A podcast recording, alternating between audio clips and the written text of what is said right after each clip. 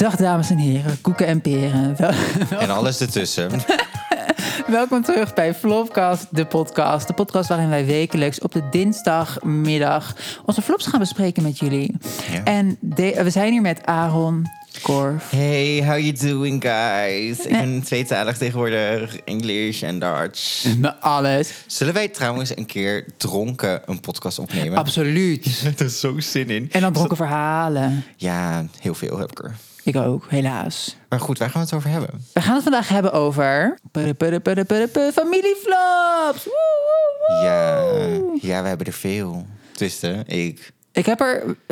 Ik heb gewoon niet zoveel familie meer. Ik nu ook niet meer, want ik heb de helft gecanceld. Of een meid, een van de twee.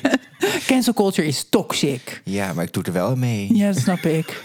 Nee, we gaan het daar vandaag over hebben. En ehm, we dachten dat het ook gewoon belangrijk was om te bespreken. Omdat ja, kijk, familie heb je niet voor het kiezen en je moet er altijd maar mee omgaan. En soms werkt dat gewoon niet. En soms is het dus beter om familie te cancelen. Ik denk dat voor veel mensen die LGBTQ zijn, eh, familie vaak wel een dingetje kan zijn.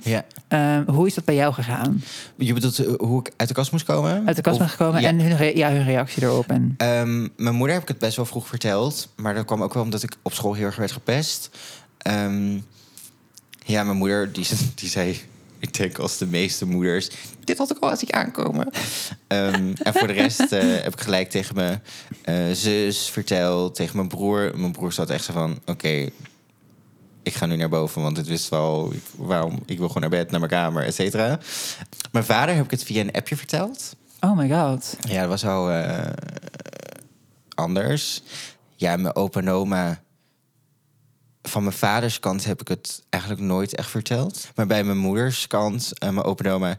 heb ik het wel echt moeten vertellen. Ik ben uiteindelijk daar uit de kast gekomen. Ehm, en dat was geen probleem, was helemaal goed, dit en dat. Maar het was toch spannend, weet je, om te vertellen. Op een gegeven moment is er tegen mij verteld bij een kapperszaak van... sorry, maar ik moet je toch wat vertellen. Altijd de kappers. Dus Ja. De roddel, met roddeldinnen. Echt mijn allesjes. Nee, die kapster zei van, ja, ehm, je oma was, vond het heel erg dat je oma was. Serieus? Ja, ik vond dat wel eh, eh, jammer, weet je wel. Ik heb daar nooit echt met haar over gehad. Misschien achteraf wel spijt. Maar goed, mijn moeder, die ehm, heb ik ook een tijd niet gesproken. Oh jeetje. Ja.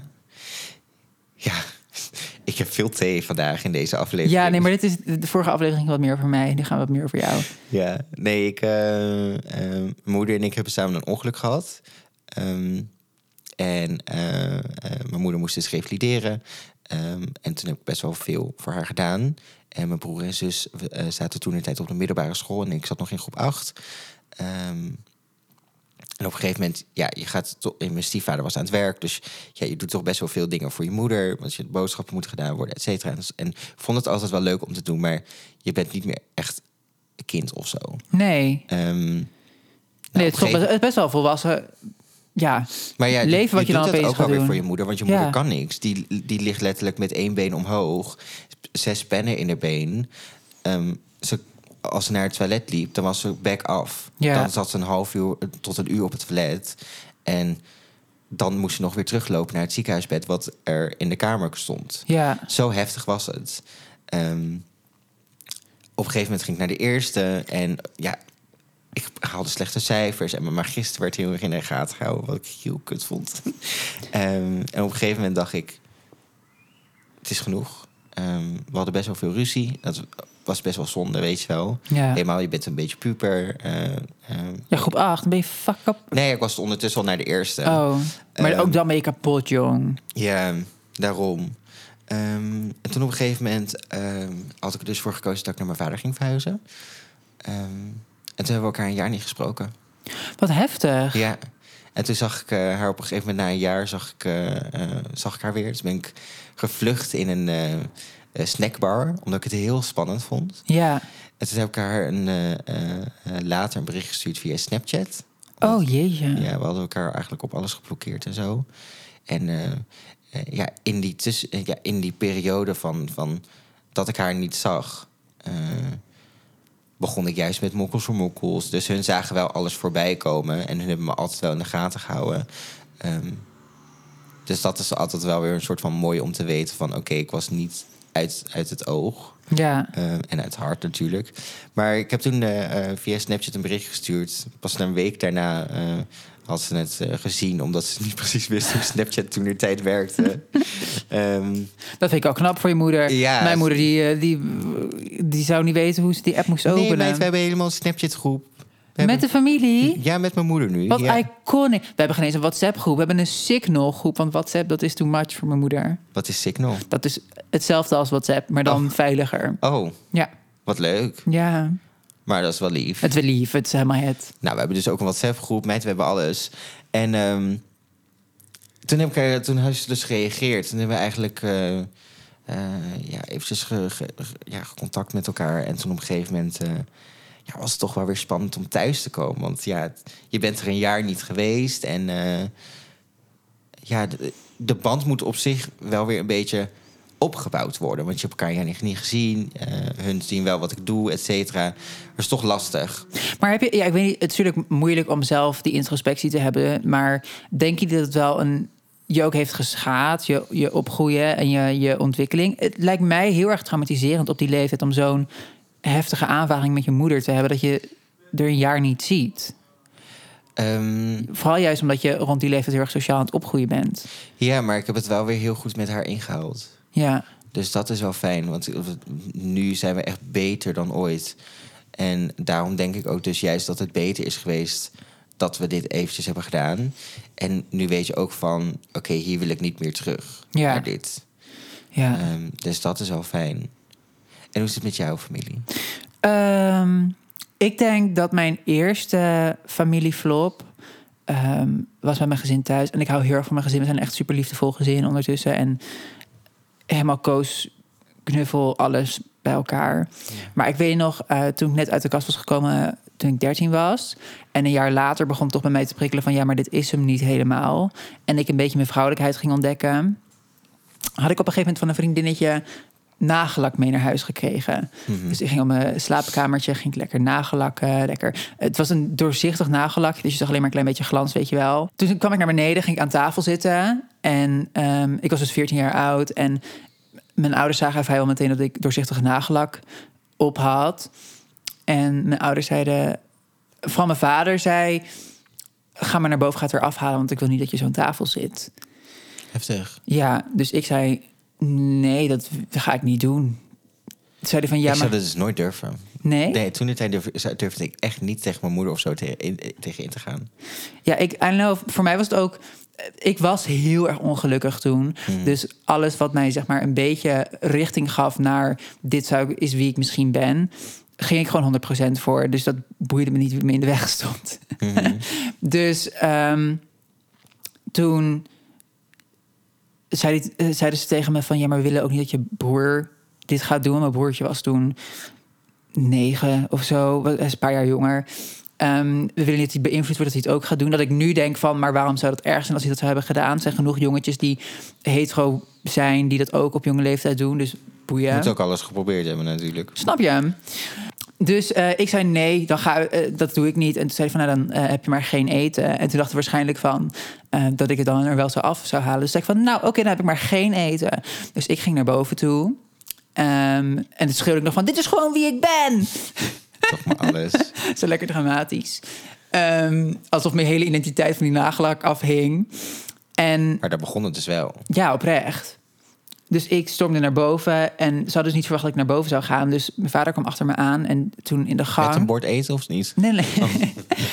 nee, maar echt boos achter me aan. En toen ben ik soort van door de gang gegooid naar de badkamer toe en moest ik het eraf halen.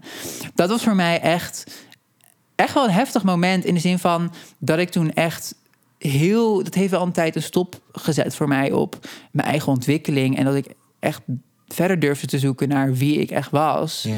Het is gewoon kapot eng om zo heftig die eh, afwijzing van je ouders te krijgen. Gewoon om wie je bent, om waar je naartoe wilt, weet je wel. Mhm. Dus dat is eigenlijk... mijn- Ja, het is niet super heftig. Maar het- voor mij was het toen de tijd best wel heftig. Ja. Maar ze zijn nu, hoe, hebben ze, hoe komt het dat toen de tijd accepteerden ze dat als nog een soort, soort van niet?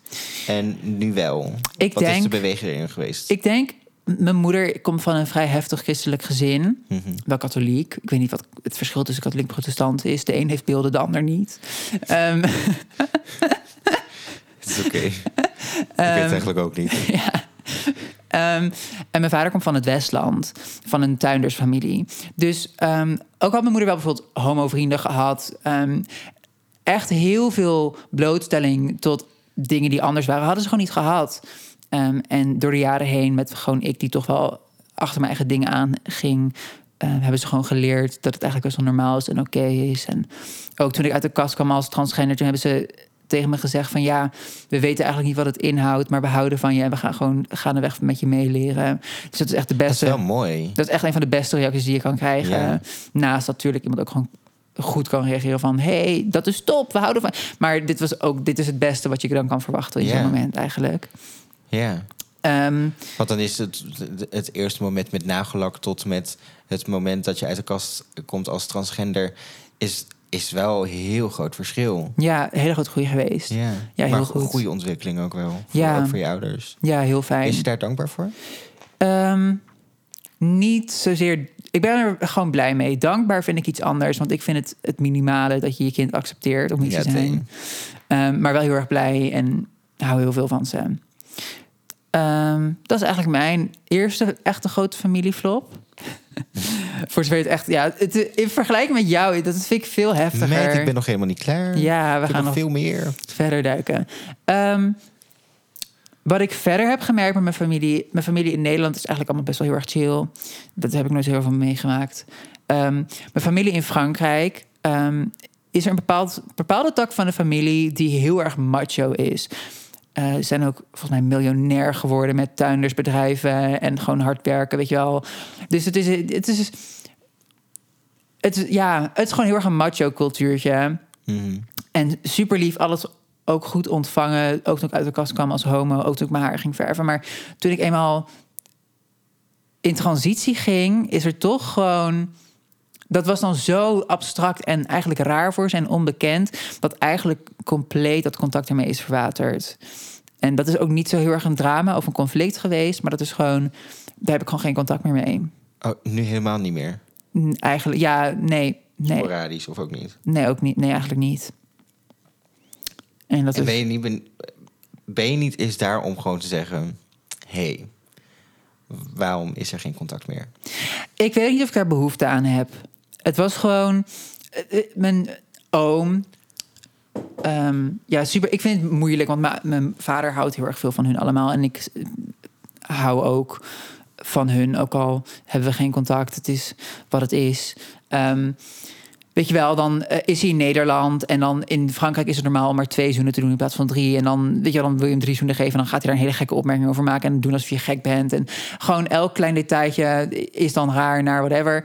Ehm, en dan kom je al niet eens door dat soort dingen heen. Dus laat staan dat ik ooit een ges- goed gesprek met hun ga hebben over transgender zijn. Nou, daar kan ik echt met de pet naar fluiten. Ehm, dus zolang ik dat sfeertje dan wel blijf voelen van... Als je aanwezig bent en je, je kan het soms voelen toch... dat, dat Mhm. mensen er ongemakkelijk van je aanwezigheid Ja. worden. Zolang Heel ik vaak dat... heb ik dat. Ja, Heel vaak. Ja, nee, maar dan, dan hoeft, het, hoeft het contact van mij ook niet. Nee. Ik heb daar de energie niet voor. Ik moet mijn hele leven op een reis zien te houden als transgender in de mediawereld op zichzelf. Laat staan dat ik mijn hele familie moet mee gaan lopen sleuren. Ja, zoek het zelf maar even uit. Ga zelf maar even een documentaire kijken. Ga zelf maar even uitzoeken hoe het allemaal werkt. En dan zien we dan wel verder. Ja. En eh, nog even terugkomend op je broertje. En hoe heeft hij jouw transitie eh, ervaren? Ehm, heel goed eigenlijk. Hij was denk ik acht of negen of zo. Eh, Er zit zes en een half jaar verschil tussen ons. Toen ik, of dan was hij tien waarschijnlijk. Toen ik voor het eerst zei... Ik ga naar het VU toe, want misschien heb je toch een zus in plaats van een broer. En hij keek op van zijn bord en hij zei... Oh, oké. En toen ging ik door met eten. Dat is heel chill, want ja, kinderen van die leeftijd... die boeit het allemaal nog niet zoveel. En ik ben ook nooit een broer voor hem geweest. Ik ging niet met een voetballen of zo, weet je wel. Dus het is niet alsof er heel erg veel veranderde voor hem. Nee. Ja, dat is wel fijn. Ja, hij zei wel van dat hij het concept van dat hij geen broer dan meer had jammer vond. Maar verder zei hij ook van ja, je bent ook niet echt een broerbroer voor me geweest. Dus En hoe kijkt hij er nu op dan? die vindt het helemaal top. Ja. Vindt hij het helemaal prima. Ja, het is echt een lieverd. Echt mijn schat. Dus ja, Maar ik weet van de verhalen dat jij nog een grotere flop hebt. Grotere flop, ja, de allergrootste flop.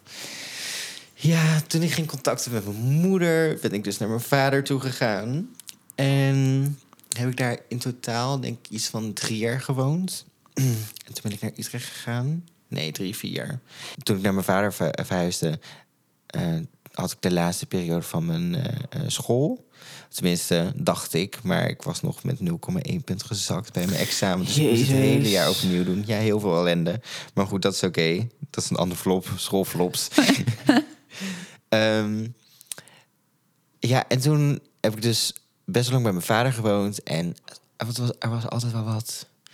Er was of een alcoholprobleem, of een drugsprobleem, Oh of een geldprobleem. Oh. En als kind zijnde heb je daar op dat moment geen behoefte aan. Sowieso niet, hè? Laten we dat voorop stellen. Maar het is gewoon best wel ehm, heftig als je vader s'nachts niet thuis ziet komen. Ehm, en vervolgens uit de kroeg moet halen. Ja, Omdat, hoe kan je wel drinken in de kroeg, maar geen geld hebben? En geld aan mij vragen terwijl ik hard werk voor mijn geld. dat is echt bizar. Ja, hij is dus een dag voor mijn verjaardag is hij toen weggegaan. Ehm, en één of twee dagen van tevoren. En ik zei, nee, hoor, is niet erg, prima. Ik ga toch andere dingen doen. Ik vier het met mijn zus, dit en dat, weet je wel. Ehm, en toen heb ik gewoon een jaar lang niet gezien. Dus ik heb een jaar lang in zijn eigen huis, eh, in, in zijn huis eh, geleefd.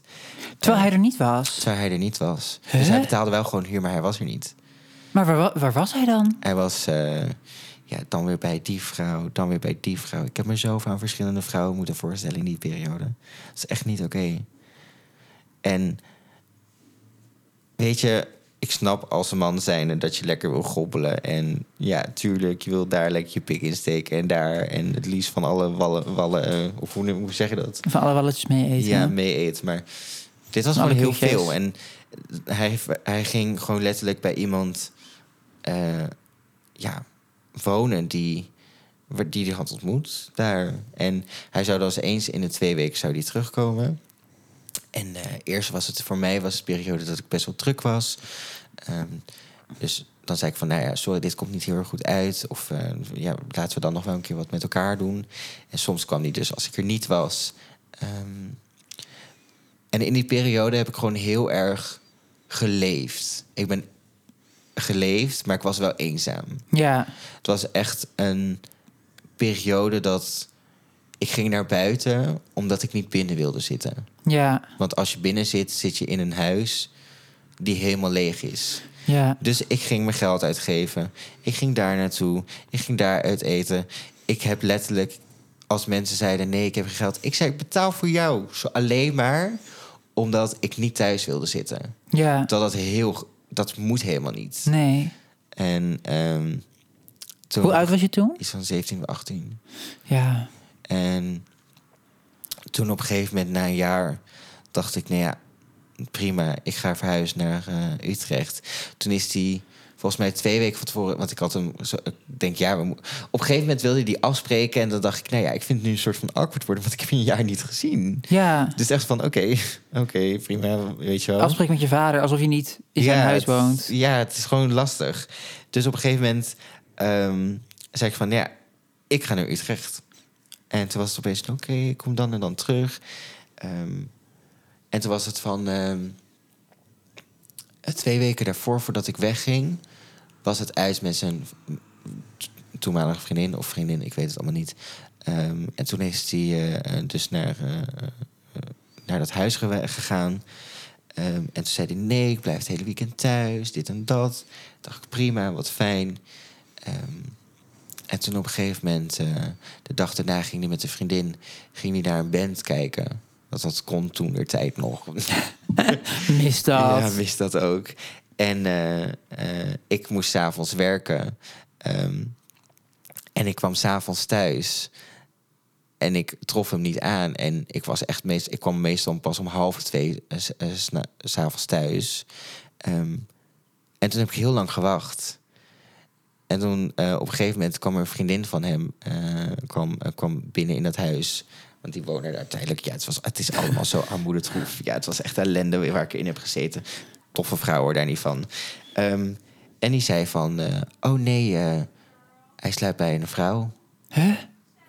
En toen dacht ik, nu voel ik echt een mes in mijn rug. Je hebt tegen me gezegd dat je dit weekend gewoon met mij gaat zijn, dit en dat. En nu ga je alsnog met een vrouw, je, je gaat gewoon weer je pik achterna. En toen dacht ik, nu is het klaar. Ja. Dus ik heb, eh, ben toen uiteindelijk verhuisd naar Utrecht. Ehm, toen heb ik foto's gestuurd van mijn kamer. En toen zei hij, eh, is dit het? Zo, is, is hij niet rand van? En toen dacht ik, ja, ik heb best een kleine kamer, maar het, het is toch best leuk, hallo? Ja. Je, hebt, al- je hebt al niet meegeholpen. Die vriendin die dus thuis kwam en die zei van... goh, hij is me met een vrouw lekker aan het gobbelen.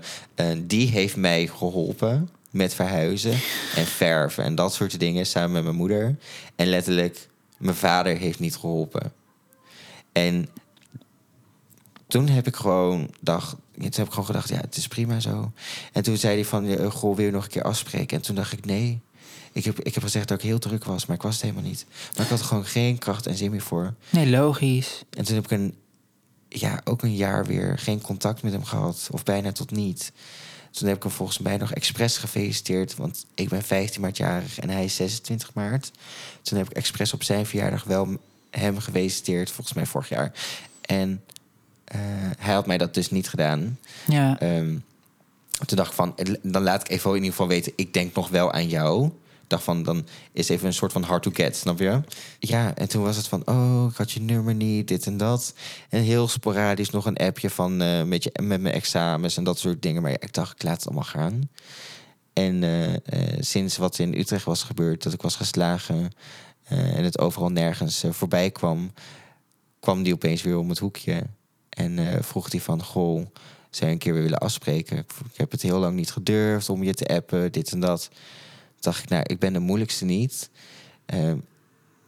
Eén van de drie kinderen wil je nog zien. Mijn tweelingzus ziet er nu weer. Ja. En mijn broer ook niet. Dus dat zegt wel wat. Ja. Ehm, en toen heb ik uiteindelijk met hem op het terras gezeten. Hij wilde gewoon opnieuw beginnen.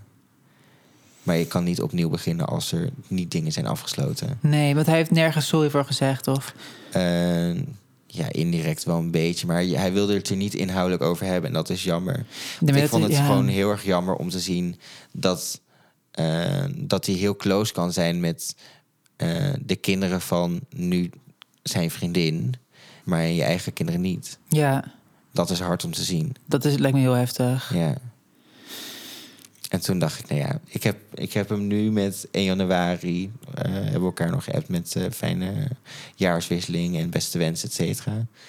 En sindsdien eigenlijk eh, niks meer gehoord. En ik ben er eigenlijk wel content mee. Ja, het, is het niet iets wat... wat, wat Nee, ik mis het niet. Weet je, ik heb het ook al bijna twee jaar in Utrecht volgehouden zonder hem. ja, En kijk, een vriend van me zei... Ja, weet je, je hoeft niet beste vriend te zijn... maar als je elkaar eens in het half jaar ziet, is het ook goed. En sommige mensen zeggen ook van... ja, je moet het wel doen, het is je vader, dit en dat.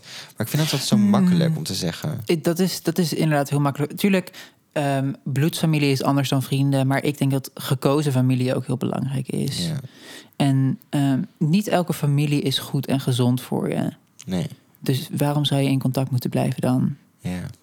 Ja, Ik ben gewoon heel erg van mening van... hallo, jij bent nog steeds de vader. ja. Het is Dus jouw Het verantwoordelijkheid. is jouw verantwoordelijkheid. Begin, begin je kontje te, bewegen... en begin met de appen. Ja, ik vind het heel mooi dat je dit verhaal vertelt. Ik weet zeker dat er mensen zijn in ons publiek die ook heftige dingen mee Ja, hebben ik heb best wel veel vrienden die echt geen contact meer hebben met hun vader. Dus dat is wel. Het Vaders, is een patroon. vader is sowieso problematic. Voor jou is wel lief. ja, mijn vader is lief. Die doet nog mee. Zou jij, zou jij, zou jij ehm, heel erg actief proberen anders te zijn dan je vader als je kinderen krijgt ooit? Nou, ik ben sowieso van mening om geen, geen kinderen te krijgen.